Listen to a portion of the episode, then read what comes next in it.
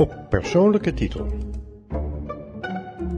Een gesprek van vlees en bloed voor de kijker die wil luisteren en de luisteraar die wil kijken. Kijk en luister naar Nilüfer Gundogan. Welkom. Dankjewel, Ernst. En die naam verraadt al dat je uit Turkije komt. Ja, Maar eh, zo vroeg dat je er weinig van meegekregen hebt, denk ik. 18 maanden oud was ik toen ik hier aankwam. Ja. Is dat niet jammer? Ja, Zo denk ik er eigenlijk nooit over. Het is gewoon een gegeven en ik eh, ben eh ehm 43,5 jaar hier. Dus eh, ja, bijna 44 jaar eind van het jaar. Want ik kwam eind december eh, aan in Nederland. Ja, Oost-Turkije, Oostenrijk, ja. richting de Tigris? Op welke Eh, grens? ja, het, het, het Tunjili, dat zal de meeste Nederlanders weinig zeggen. Eh, het is een. ehm, eh, nou ja, 98% van de bevolking van Tunjili is Alevit. Dus het Alevitisme is daar de dominante geloofsbevatting. En dat is anders dan het Soenitisme, wat gewoon in de islam de grote stroming is. Dus het Alevitisme is heel progressief, heel open, heel humanistisch. Eh, dus dat heb ik van jongs af aan van thuis uit meegekregen. Maar eh, waar ligt het nou? Welke Als grens? je het, on- nou, eh, het ligt echt in eh, Oost-Turkije. Het ligt, eh, Syrië, als je Irak, loodrecht naar beneden zou gaan, zou je denk ik ongeveer zo'n 600 kilometer van Syrië afzitten. Het zit zo'n Oh, 600 kilometer ongeveer vanaf de Zwarte Zee en ongeveer zo'n 600 kilometer richting de oostgrens, richting Iran. Dus eh, Helemaal in het midden. Ja, het midden zou je, dat, dat Nou ja, zou goed. echt tussen Tunjili en Ankara in zitten. Dus Ja. dan kom je meer uit bij eh, Kayseri of Sivas. Dus het is wel meer naar, toch naar het oosten, maar niet helemaal het oosten, dat het dicht tegen de grens met Iran aan ligt of zo. Dus het is wel een melting pot. En ehm Ja. Tunjili is van oorsprong ook een plek waar Koerden, Zazas, eh, en maar ook Armeniërs altijd hebben gewoond. Eh, en dat is natuurlijk ook niet gek, omdat die, al die verschillende eh, volken hebben ooit daar een eh, groot rijk gehad. Dus ja, dus, dus daar zijn allerlei sporen ook historisch van gebleven, maar ook Enorm, demografisch. Ja. Dus de, de- een verloren stad die door een dijk of een, een dam nu misschien onder water staat al. De rots, wat is het ook alweer? Ja, nee, dat eh, ga ik nu even twijfelen. Dus dan laat ik daar maar niks over Nee. zeggen, want ik heb niet alles even paraat. Nou ja, het is in ieder geval eh, eh, eh, 6000 jaar geschiedenis. Alleen al ligt daar en, en, en Ja. enorm. Het moet schitterend zijn. Ja, het is, eh, het is heel mooi. Eh, maar het is vooral als je iets meer naar het zuiden gaat. Dus bij, dat is niet Tunjeli dan, waar natuurlijk het oude Mesopotamië... eh, het, tenminste, het zuid, zuidoostelijke deel van Turkije vond het noordelijke deel van het oude Mesopotamië. Dus daar is natuurlijk wel gewoon eh, de bakermat van de westerse beschaving begonnen met landbouw ook, et cetera. Eh, en de eerste verhalen gaan natuurlijk over Babylon en andere oude steden. Gilgamesh, Ja, dus eh, spijkerschrift. ja, en, en dus die regio is altijd al een broedplaats geweest van culturen eh, en eh, religies. Dus eh, het is wel een rijke geschiedenis, ja. Ja, Je hebt dat onwillekeurig toch in je. ja. Ja. ja. Maar het grappige is, is dat er ook gewoon Keltische genen in me zitten. Dus ooit vier eeuwen voor Christus zijn de Kelten uit het huidige Verenigd Koninkrijk dwars door Europa vertrokken. En eh, alle Turkse mensen met rood haar en blauwe ogen en een lichte huid, die hebben dus die Keltische genen in zich. Ehm, wat voor de rest is in die regio heel veel mensen zijn natuurlijk, hebben wat meer een, eh, een eh, lichtgetinte huid, een donkere ogen, een donker haar. Maar mijn opa, die heeft echt een enorme witte huid met blauwe ogen en rood haar. En dat heb ik doorgegeven aan mijn kind. En aangezien rood haar en blauwe ogen eh, recessief is, moet ik dat gen dus hebben, anders kan ik het niet doorgeven. Dus dat vond ik zelf ook wel weer grappig, wat voor een melting pot vanuit het westen weer mijn DNA is ingekomen. Dus dat je echt op die manier gewoon een ehm, mengelmoes bent van eh, Kelten en eh, naar alle waarschijnlijkheid Perzen en Koerden en Armeniërs en Zazas en alles door elkaar heen. Ja, dus dat loopt in mijn DNA. Dus Ja. dat vind ik wel grappig eigenlijk. Dat zit ook in je karakter dan. Ja, waarschijnlijk wel. Ja, nature, nurture, ja. Dus, dan zit, uh, dus het ene uiterste van het Europese continent tot en met het andere uiterste van het Europese continent zit in mijn DNA. Ja. Geen kleinburgerlijk benepen Nederlander ben je.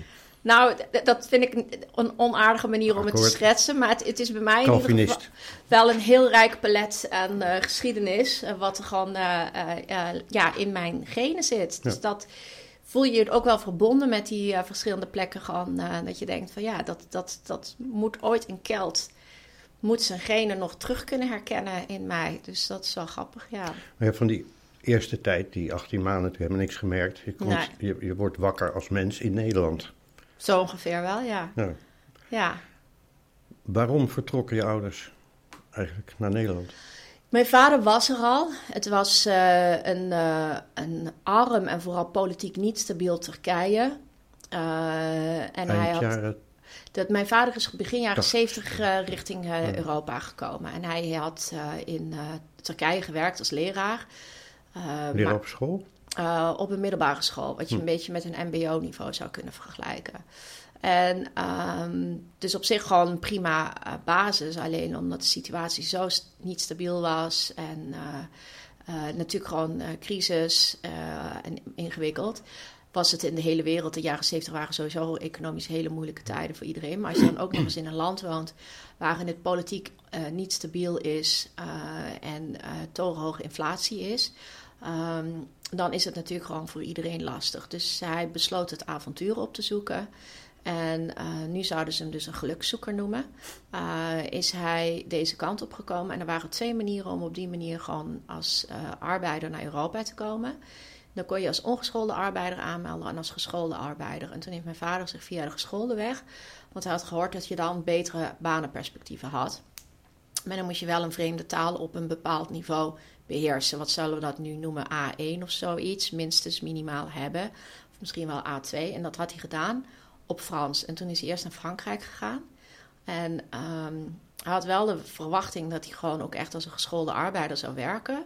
Maar dat was niet zo. Alleen de visa-applicaties en dat soort dingen gingen een stuk makkelijker. Hm.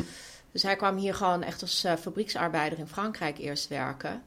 En uiteindelijk, toen dat ten einde liep, omdat hij al eenmaal in Europa was, uh, en er waren in Duitsland, Zwitserland en Nederland grote tekorten aan arbeidskrachten, werd hij eigenlijk al meteen gewoon gevraagd, toen dat contract afliep in Frankrijk, van zou je dan niet naar een van deze landen willen? En toen heeft mijn vader uh, zich via dat bemiddelingsbureau zich bij alle drie aangemeld. En hij hoopte op Zwitserland. Dat, dat was zijn beeld van romantisch, uh, neutraal land. Gevolgd door Nederland van progressief land. En als derde land gaf hij dan uh, Duitsland op. En toen werd het Nederland. En toen kreeg hij ook meteen verschillende banen aangeboden in Limburg. En zo kwam hij in Limburg terecht. En uiteindelijk, volgens mij heeft hij eerst nog ergens anders gewerkt. En toen vervolgens heeft hij voor Weert gekozen. En de bedoeling was echt, ik ga geld sparen en ik ga dan daarna terug. En in 76 trouwt hij met mijn moeder. Mijn moeder wordt zwanger en in 77 word ik geboren. En het is echt lang nog niet de bedoeling dat wij uh, deze kant op komen. Sterker nog, het is niet de bedoeling dat wij deze kant op gaan. Hij was op vakantie Nee, nee, nee. Dus hij werkte hier. Dus ja, maar hoe, hoe, werd die moeder dan zwanger? Wat oh, daar? Nee, ze zijn, hij is natuurlijk gewoon teruggegaan voor vakantie en is daar uh, voorgesteld aan mijn moeder. Hm. En daar is uiteindelijk een huwelijk uitgekomen en vervolgens dus ik. Uh, en in 77 word ik dus geboren. Mijn vader gaat in uh, militaire dienst. Dat had hij nog niet gedaan. Oh, dat moet hè? Ja, dus dat moest. En toen was het nog in Nederland heel makkelijk om als je gastarbeider of, hier was om dan tijdelijk uh, je visum, uh, dus gewoon te zeggen van nou ik ga terug naar het land van herkomst, want ik moet militaire dienst. En dan wilde gewoon de werkgever je wel graag gewoon ook weer terug hebben. Dus echt andere tijden hoe we met migratie omgingen. Hm. Toen kwam hij dus terug, uh, eind 78, geloof ik. Nee, dus dat nee, hij was al eerder terug in Nederland. Dus maar pin me er even niet op vast hoe. Nee. En um, Vervolgens ziet mijn vader dat het in Turkije nog verder onstabiel wordt. Echt destabiliseerd, kan je beter zeggen. Links en rechts vliegt elkaar echt in de haren. Uh, er wordt, een premier wordt uh, uh, vermoord. echt erg politiek niet stabiel. En hij denkt, dit gaat waarschijnlijk weer een koep uh, betekenen. En eind uh, 78 komt mijn moeder, hoogzwanger van mijn broertje, met mij aan de hand. Ik ben dan anderhalf jaar oud, aan in Nederland. En uh, mijn broertje wordt in maart 79 hier in Nederland geboren. En in september 1980 vindt inderdaad de derde koep plaats in Turkije. Dus, uh, dus wij zijn eigenlijk met een vooruitziende blik van mijn vader, die zoiets had van het land gaat gewoon niet alleen maar economisch nu in de problemen raken, maar vooral politiek. Ik doe er beter aan om mijn gezin op tijd hierheen te laten komen, want anders dan is de kans aanwezig dat het lastig wordt om dat te kunnen. Dus zo zijn wij naar Weert gekomen. en daar ging je naar school, naar de lagere school. Ja. En je werd een gewoon Nederlands meisje. Ja. Maar dan iets exotischer. Ja, ja. ja zo kun je dat stellen. Hoe, zei, hoe, ging dat in Weert? Hoe was die, die, die schooltijd? Ik heb denk ik, uh, als ik dat zo op terugkijk, uh, buiten de gezinssituatie, want ik heb wel vaker verteld dat mijn vader een gewelddadige man is. Nou, maar, dat niet bij mij. Ik weet oh, nergens oké. van. Nou, ik heb het wel vaker al in interviews gezegd. Dus die gezinssituatie was door mijn vader niet leuk, maar ik heb gewoon een hele fijne tijd in Weert gehad. Ik had uh, vriendjes en vriendinnetjes. op school ging het goed, ik kon makkelijk leren. Um, dus, dus, ja, weet je, dat zat wel goed. Ja. Cultuurverschillen waren er niet. Jawel, die waren er wel. Maar omdat ik natuurlijk uit een progressief uh, milieu kom, uh, was dat niet zeg maar gewoon. Uh, ja, je merkte wel wat verschillen. Hm. Kijk, mijn ouders aten bijvoorbeeld geen varkensvlees en ja. zo. En we zetten, zij zetten geen kerstboom en zo.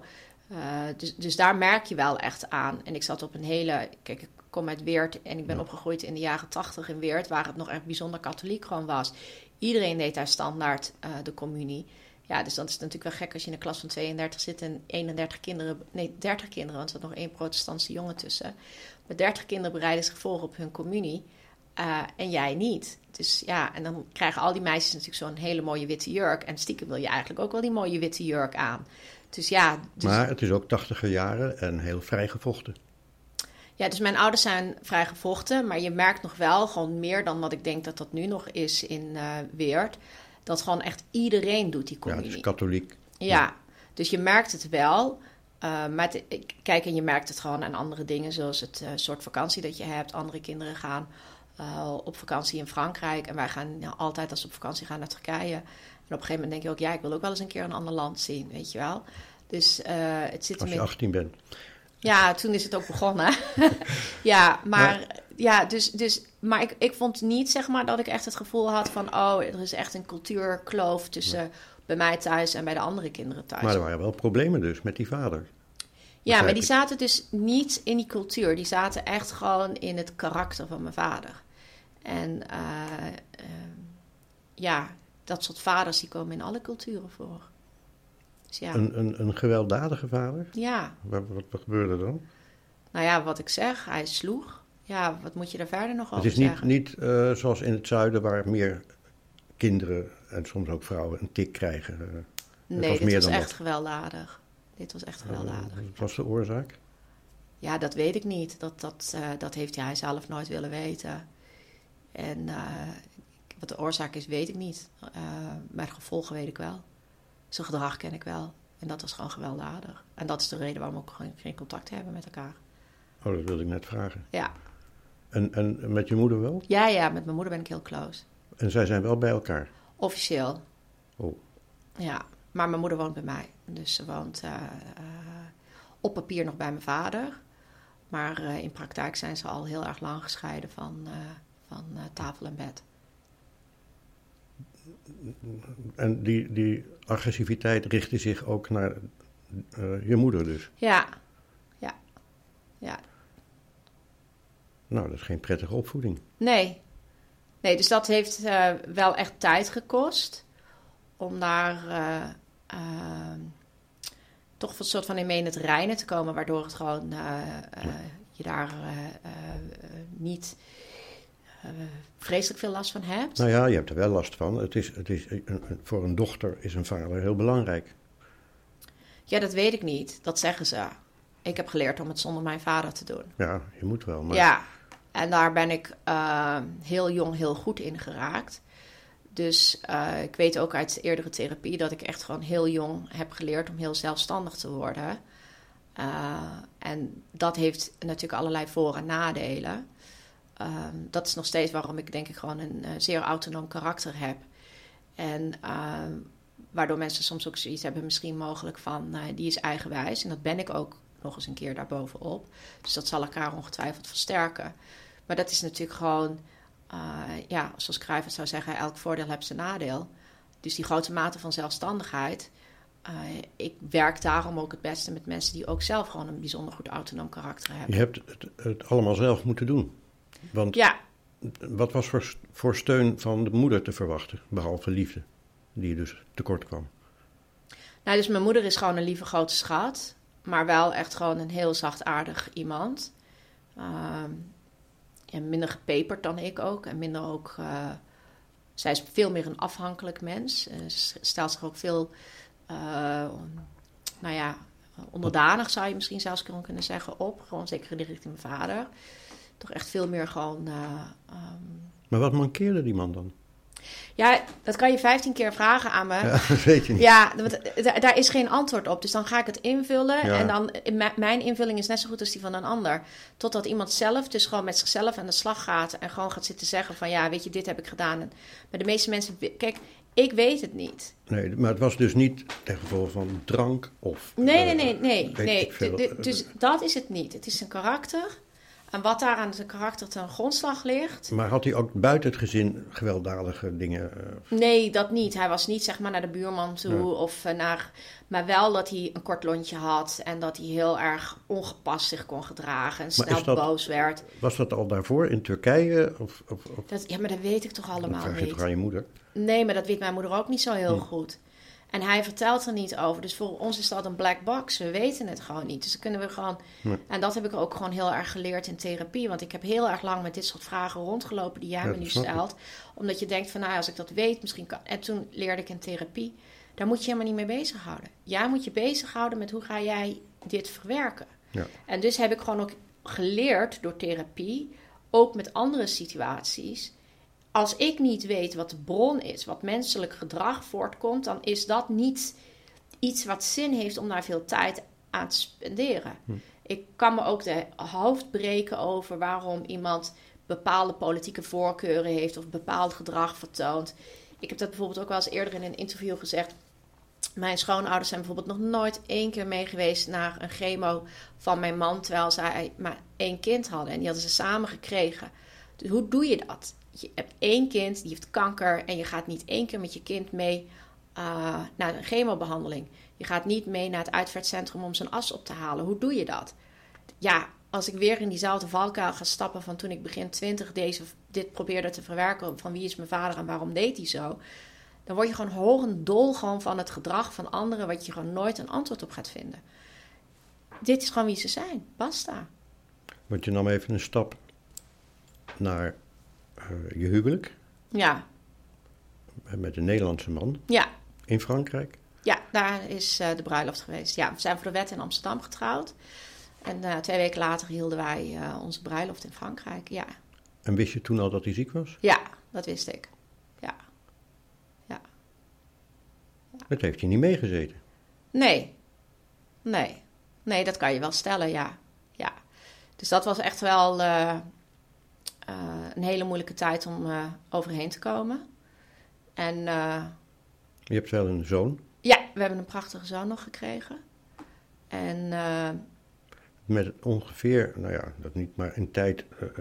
hij heeft toen nog heel kort geleefd. Ja. En natuurlijk zijn zoon nog gezien, gelukkig. Ja, gelukkig wel. En die zoon heeft natuurlijk waarschijnlijk te jong geweest om nog iets te weten. Ja, hij was uh, vier maanden aan een ja. beetje. Ja, ja dat, uh, dat schijnt dat er gewoon een handjevol mensen zijn die alles voor een vierde nog hebben kunnen onthouden. Nee, maar, maar dat, dat, dat verwacht nee, ik niet dat mijn nee. zoon bij die uitzondering hoort. En dat hij dus uh, geen actieve herinneringen aan zijn vader ooit zal hebben. Dus dat handjevol foto's, dat, dat is het. Ja. En wat jij overdraagt? Ja, wat ik overdraag. En dus ik heb wel gewoon allerlei fotoalbums natuurlijk ook uh, van Bas, zo heette mijn man, uh, bewaard. van voor de tijd met mij, want dat is natuurlijk ook het laatste stuk van zijn leven. Dus daarvoor had hij natuurlijk ook nog een eigen leven. Ehm, dus dat is wat er is. Nog contact met die kant van de familie ook? Nee, niet. Nee. Nee, kijk, die ouders, hebben, die ouders van mijn man hebben nooit echt omgekeken. Die moeder helemaal niet en die vader uh, eigenlijk ook niet. Uh, naar hoe het met mij en uh, mijn zoon ging. En ook dat. Hoe kan dat nou weer? Ja, weet je, je gaat allerlei psychologische vragen stellen die je eigenlijk aan die mensen zelf had moeten nou, stellen. Psychologisch, ik bedoel, is ja, er nee, voorgevallen? Maar... Of ik bedoel, het is niet heel gebruikelijk wat je vertelt. Nou ja, kijk, ik maak van mijn hart geen moordkuil. En als ik ouders zie die gewoon zeggen van ja, ik vind het zo erg, mijn kind heeft kanker. Ja, dat geloof ik wel, maar je gaat nooit een keer mee naar de chemo. En je bent te beroerd om in het vliegtuig te stappen om gewoon naar de bruiloft van je kind te komen. Ja, dan talk is cheap. Dan kijk ik je wel echt zo aan en dan zeg ik ook gewoon van ja, had je misschien toch een ticket moeten kopen. Wat, wat, voor leven leidde hij uh, vroeger dan, voordat hij, dat jij hem ontmoette? Wat deed hij voor werk? Of? Oh, hij werkte, uh, hij heeft bij verschillende plekken gewoon gewerkt. Dus mijn man heeft journalistiek gestudeerd in uh, Tilburg en uh, had een passie voor toneelspelen. Dus hij. maar er was niks mis in dat gezin? Er was denk ik heel veel mis in dat gezin. Ook al. Ze zijn relatief jong gescheiden. Ik, is het niet zo dat... Ernst, ik vind het eigenlijk niet zo fijn. Nee, dan doen we dat niet. Dus ik, dus ik, ik merk gewoon eigenlijk dat ik het hele gesprek eigenlijk tot nu toe niet zo heel fijn vind. Ja, uh, dat, dat, daar kan ik niks aan doen. Ik kan alleen proberen. Kijk, wat ik wil... Dus kan het een ander gesprek worden? Want ik wil dit niet uitgezonden hebben. Want dit is te veel... Ik merk gewoon dat ik te veel dingen die ik nog niet wil delen... Ja, maar dan moet je ze ook niet delen. Nee, maar ik merk dat ik dan in een lastig pakket kom. Uh, ik vind het niet fijn. Ik merk gewoon, ik raak echt gewoon een beetje. Uh, nee, ik, voel, ik, ik weet ook niet zo heel goed hoe ik moet omschrijven. Nou, ik, kijk... ik wil niet dat de buitenwereld bepaalde pijnlijke punten weet van mij voordat mijn zoon het kan weten. En ik merk gewoon dat ik het verhaal niet goed kan vertellen als ik bepaalde dingen weglaat. En dan weet het buitenwereld het wel voordat mijn zoon het weet. Dan hebben we het daar niet over. Dus ik weet niet in hoeverre dit helemaal opnieuw moet. Maar ik vind ook het beginstuk eigenlijk gewoon niet zo heel fijn, merk ik. Want het gaat te veel over een aantal dingen. Um, ik vind dat je te lang doorvraagt bijvoorbeeld over het karakter van mijn vader en wat ik daarvan weet. Ik weet het gewoon niet. Ik heb daar gewoon genoeg therapie voor gehad om die vraag voor mezelf te kunnen verteren. En als jij daar 15 keer op door gaat vragen van wat is het dan? En ik zeg gewoon 15 keer ik weet het niet dan weet ik het niet. En dan word ik op een gegeven moment merk ik gewoon ongeduldig, omdat ik gewoon uh, dan merk dat het lijkt alsof ik het wel weet. Nee, nee, nee helemaal niet. Maar, je maar we, gaan, we gaan door. Nee, maar ik wil het denk ik dan niet. Ik wil eigenlijk het gesprek van voren aan gewoon helemaal beginnen. En ik wil zo maximaal mogelijk open en transparant met je zijn. Maar ik wil niet de diepte in op mijn vader. Dus ik wil wel vertellen wat ik in andere interviews heb verteld. Ik wil niet de diepte in op mijn man. Ik wil op de oppervlakte vertellen.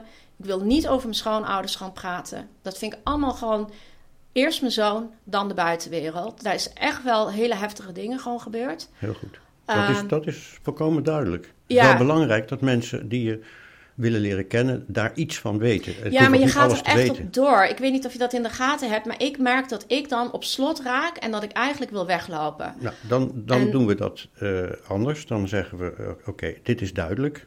Heel veel bagage. Nee, maar dat werkt niet voor mij. Want dan ga ik me onrustig worden in het rest van het gesprek. Dus ik wil, het, als, het, als de tijd er nu voor is, het helemaal opnieuw doen. En anders doen we het een andere keer en anders stop ik ermee.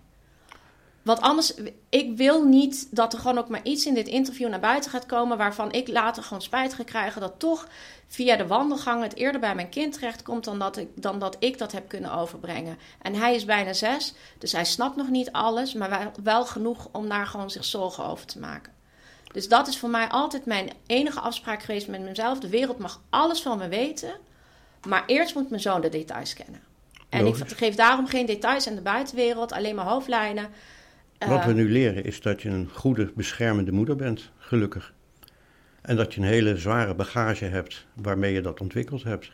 En zo wil ik, vind ik, eh, wil ik graag mensen leren kennen, dat ik begrip krijg en kan doorgeven aan mensen van wie is zij. ja, maar dan die hoop ik dat je begrijpt dat, Ja, dat ik dit ik. gesprek niet kan continueren met, met knip- en plakwerk. Ik wil dat dan dat, dat dit deel, dat je me dat ook belooft, dat dit deel blijft tussen ons, wordt niet uitgezonden. We doen het zo, we gaan nu verder met... een, Nee, eh, maar dan stop ik ermee, sorry. En of je het dan gaat uitzenden of niet, dan hoop ik ook dat je dit deel erbij uit gaat zenden. En anders dan zie ik wel gewoon eh, wat ik daar gewoon nog juridisch van ga maken. Maar ik wil dit niet uitgezonden hebben. Dit is een gesprek geworden en ik heb je ja gezegd op open en eerlijk. Ik heb dat vaker ook gewoon gedaan. Maar ik merk gewoon, dit is echt een kant op aan het gaan waar ik me totaal niet prettig bij voel. Maar dat betekent dat je me niet zou vertrouwen. Het gaat niet om vertrouwen. Het gaat om wat derden hiermee van maken. Ik heb nu al iets te vaak meegemaakt dat ik iets in vertrouwen vertel. En dat, dat Ja. dan toch via een andere medium dan gewoon Dat terug... vind ik ook heel moedig, maar dat is ook de opzet van het programma. Om iemand te leren kennen. En Ja, maar natuurlijk Ernst- niet om heel thera- therapeutisch... Ja, maar dat- je... Ja, dit is mijn aanbod. We beginnen of opnieuw of we stoppen. Nou, we beginnen opnieuw. Vertel maar hoe. Want ik... eh, ja, ik maar dan moeten we het gesprek van voren aan beginnen. Ik begin... We hebben natuurlijk al gesproken over je achtergrond Turkije. Ja, maar dat vond ik ook niet fijn. Dat vond ik ook niet fijn. Ik weet niet hoeveel tijd we er al aan hebben gespendeerd. Ik wil het dus nogmaals heel duidelijk. Maar wat is nu je bezwaar op dit ogenblik? Want ik, Het er is ging me te lang door op mijn vader. Maar er is geen onvertogen woord gezegd. Ja, maar ik wil dat gewoon niet. Ik, ik wil niet. Kijk, ik ben sowieso iemand die gewoon haar verleden alleen maar deelt om een aantal redenen. Ten eerste dat mensen een beeld hebben van wat heeft haar gevormd. Ten tweede omdat het mezelf toen ik jong was heel erg hielp dat andere mensen me volgingen en dat zij eerlijk waren over hun verleden. Eh, waardoor ik gewoon als jonge, eh, jonge meid en later jonge vrouw me gewoon kon identificeren en op kon trekken. Ik vind het ook heel fijn de mails die ik krijg van mensen die dan zeggen: Ik vind het nu ook heel moeilijk de positie waar ik in zit en ik worstel met een boel dingen. Eh, en ik vind het fijn om te horen dat jij eh, daar zo open over bent. Dus ik doe het om die reden dat ik gewoon mensen gewoon eigenlijk gewoon indirect gewoon een soort van door die openheid het gevoel wil geven van je staat er niet alleen voor. Er zijn meer die je zijn voorgegaan. Dus, maar dat betekent niet dat ik de details wil Nee, delen. maar die wil ik ook niet hebben. Ik wil alleen ja, maar je gaat dan. dat... Ik weet niet of je het in de gaten hebt, maar jij gaat dan Nou, jij corrigeert me toch? Ja, maar dan blijft het gesprek daarop hangen. Nee, en we die- gaan niet door dan gewoon. Kijk, wat mijn vader heeft gedaan. Nee, maar dat is al klaar. Dat is passé. Dat hebben we gehad. Dat is voorbij. Het gaat nu ja, maar als je het gaat. Ik wil nu van je weten, ga je dit uitzenden? Ik zou het niet weten. Ja, Ik- maar dan ik- denk er maar over na. Dan laat ik we- hem even voor nu, voor wat het is. Maar laten we eh, vaststellen dat eh, er is geen onvertogen woord gezegd. Dat vind jij. Maar ik kom in een plek waar ik liever niet over praat publiekelijk. Maar ik wil eh, de mensen een kans geven om jou en ikzelf ook te leren kennen Ja, als maar mens. ik heb dit soort interviews heel vaak gehad. En niemand Dit ging soort? zo lang door als jij over mijn vader. En ik voel me Dat onprettig. gevoel, dat snap ik. Maar dat, dat is ook niet erg als je gevoelens krijgt bij een dat gesprek over jezelf. Nee, maar dan begrijp je mij al onvoldoende. En mijn grenzen. Wat begrijp ik niet? Nou, Dat- ik zeg heel duidelijk, ik wil niet te lang over mijn vader praten. nee, maar daar niet te lang praten we praten al niet meer over. Dat doe je zelf. Ja, daarom vraag ik je om het opnieuw te beginnen. Echt opnieuw. En gewoon het maar aan te stippen. Dat wil ik wel doen en meer niet. Ik heb meer om over te vertellen dan mijn verleden. Ik ben ook mijn heden en mijn toekomst. En dat is dat waar het- we nu naartoe gaan. Sorry, maar ik word hier gewoon niet vrolijk van op deze manier. Dit gaat niet om mij als politica, het gaat om mij als mens, maar vooral als dat mijn- is de opzet van het programma. Ja, Ja, maar ik voel hem niet. maar wat, het is ook niet afgelopen. Maar wat voel je dan niet? Want ik, ik, Ik heb een heel dat mijn persoonlijk grenzen gesprek. worden gewaardeerd. En ge- dat, dat, ik heb het idee dat over mijn grenzen heen worden gegaan. En ik heb behalve mezelf Nee, maar een ben je bijna bij. zesjarige. Er is een reden waarom het naambordje van mijn huis is verwijderd. Ja, daar weet ik niks van. Ja, daar weet vertel ik. jij nu? Ja, daar weet, maar daar weet ik alles van. Snap je waarom ik gewoon als een moeder, leeuwin, gewoon heel protectief ben. En dat ik bepaalde dingen niet wil delen met de buitenwereld. Want ik heb geen zin dat daar gewoon een van die ouders, dat die misschien naar dit zit te kijken. En Goed. dan, weet je, ik, dus heb het de afspraak die ik met mezelf. Compleet duidelijk. Compleet Ja, maar gaan we dan het opnieuw doen of niet? We, we zijn al opnieuw begonnen nu. Haal nou diep adem en Nee, maar ik, heb ik jouw woord dat het eerdere deel van het gesprek niet wordt uitgezonden of niet? laten we er samen naar kijken. Ja, dat, dat werkt niet voor mij. Dan, dan, dan denk er maar over na. Maar- dan doe ik het anders gewoon volgende week. Weet je, no hard feelings. Maar je komt Dat gewoon in een stuk wat voor mij heel kwetsbaar, waar ik de hele zomer hard over heb nagedacht, ga ik door met het kamerwerk. Want met al die rechtszaken die gewoon een wissel op me trekken. En ik ga winnen. Dat, dat terzijde, maar het trekt wel een wissel op me. Die bedreigingen die zelfs aan mijn thuisadres zijn gekomen. En dat mijn naambordje van mijn huisadres is afgehaald. Ik weet hier niks van. Ik schrik Ja. hiervan, sorry. Ik bedoel, Maar dat zijn de dingen die ik wil weten. Ja, maar daar wil ik ook best wel iets over zeggen. Maar over al die dingen wil ik iets over zeggen. Maar ik wil niet de details vertellen. Hoeft ook niet. Omdat ik gewoon niet wil dat mijn kind er last Dat van snap ik. En dat is compleet legitiem. Dat is volkomen begrijpelijk. Mensen doen een soort van. eh, ik krijg valse berichten gewoon thuis. Je kind heeft nog maar één ouder. Dus daarom ben ik zo beschermend over een aantal dingen dat ik echt gewoon denk: dit, ga, dit, wil, dit mag de buitenwereld niet weten. Want er lopen Terecht. mensen die dat gewoon tegen me gaan gebruiken en vooral tegen mijn kind. Maar dat is afschuwelijk wat je nu zegt. ja, Dus dat is het ook. Maar dat weet niemand. Ja, de, de bedreiger, de politie, misschien jij. Dus eh, dat zijn hele, hele eh, eh, ernstige zaken. Ik heb een stalker door, dankzij het hele valse aantijgingen van Volt. En die stalker is inmiddels ook gewoon naar Vera namens mij post aan het sturen. Dus ik ben in de zomervakantie opgebeld door de BVA. Dus ik wil best wel over een aantal dingen heel, maar dan niet te veel over de familiegeschiedenis. Nee, daar hebben we het ook over. Dat is klaar. Maar jij Nee, hebt maar dat dus is nu... niet klaar. Ik wil je woord hebben dat we van vooraf aan beginnen. En als je er even naar moet kijken en dat je het gewoon even over moet nadenken, dan snap ik het prima. En de- dat, maar snap waar ik vandaan kom. Ik kom echt uit een hele ingewikkelde periode rond Volt. Ik heb tegen burn-out, CQ-depressie aangezeten. Voor die tijd had ik je al benaderd, dat weet je. Ja, maar ik ben, ik ben dus gewoon heel beschermend, gewoon als het gaat om een kind. En dat snap ik volledig. En iedereen nu, dat, vind ik, dat is ook fantastisch dat je dat, dat al deelt. Want ik weet dit niet. Ik weet niet of ik dit had kunnen weten. Maar je vertelt het nu en dat is heel schokkend. Dat je privé dus enorm last hebt. Ja, Dat weet niemand. Dat mag ook niet. Dat hoort niet. Het kan niet eens. Want je bent Kamerlid. Je, je bent eh, eh, ja, eh, volksvertegenwoordiger. En je mag al dit soort, dit soort zaken mag je niet meemaken. nee. Dat is gewoon illegaal. Nou ja, dan word je... En wat dan ook het gevolg is, of dat nou Volt is, of de manier wat Volt met je gedaan heeft, of weet ik wat. Ik heb die zaak niet heel exact juridisch gevolgd. Ik weet wel dat je die gewonnen hebt. en dat je uit een partij bent. Maar ja, daarvoor zit je hier als eh, eh, zelfstandig Kamerlid. Ja, En doe je je werk. Sociaal-democratisch, komend uit D66. Ik vertel het dan maar even zo. ja. Eh, en hebt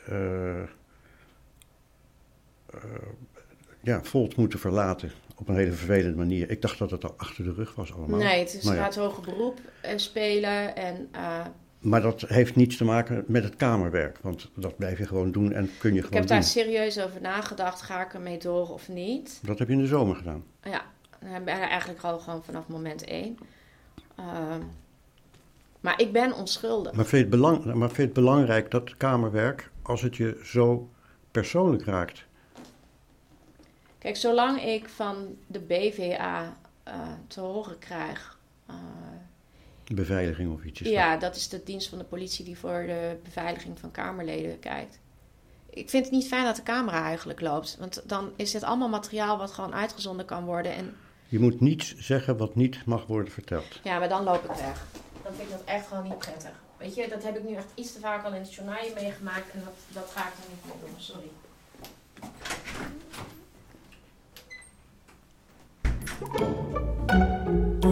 U heeft geluisterd naar Op Persoonlijke Titel. Samenstelling Ernst Lissauer. Vormgeving, branding en online productie Carlos Jurissen.